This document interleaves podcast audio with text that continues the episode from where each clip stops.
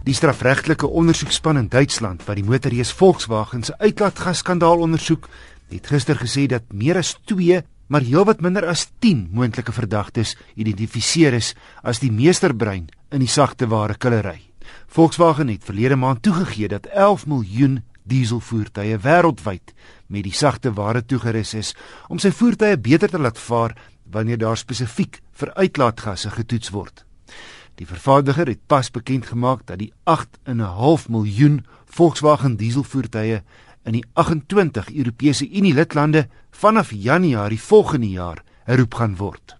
Intussen bly Toyota die wêreld se mees waardevolle motorhandelsnaam vir die 4de agtereenvolgende jaar, volgens die internasionale raadgewers Interbrand.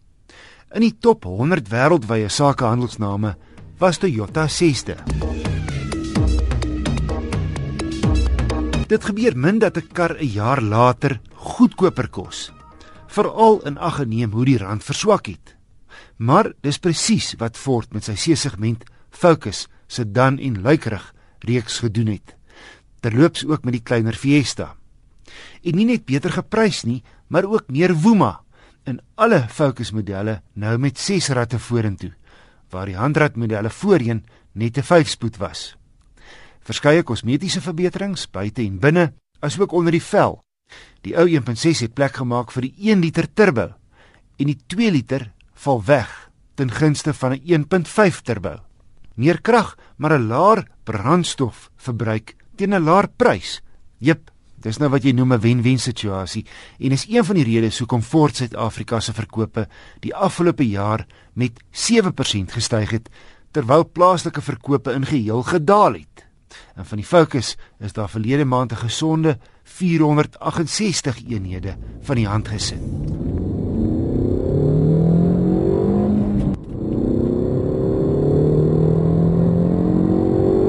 My toetsmodel die 1.5 turbo Trent sedan teen R272900.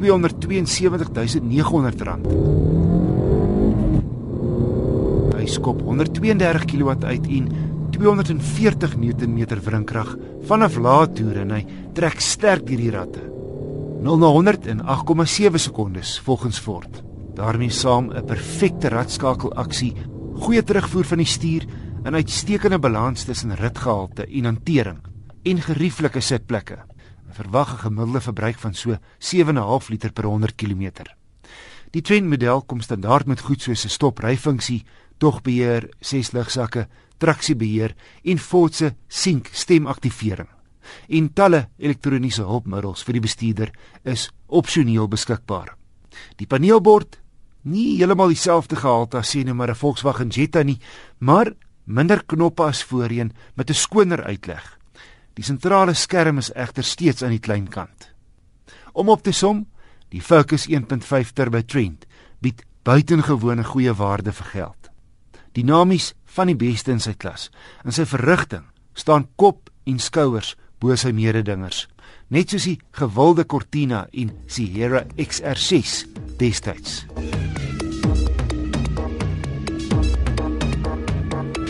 Dis by wenk van die week.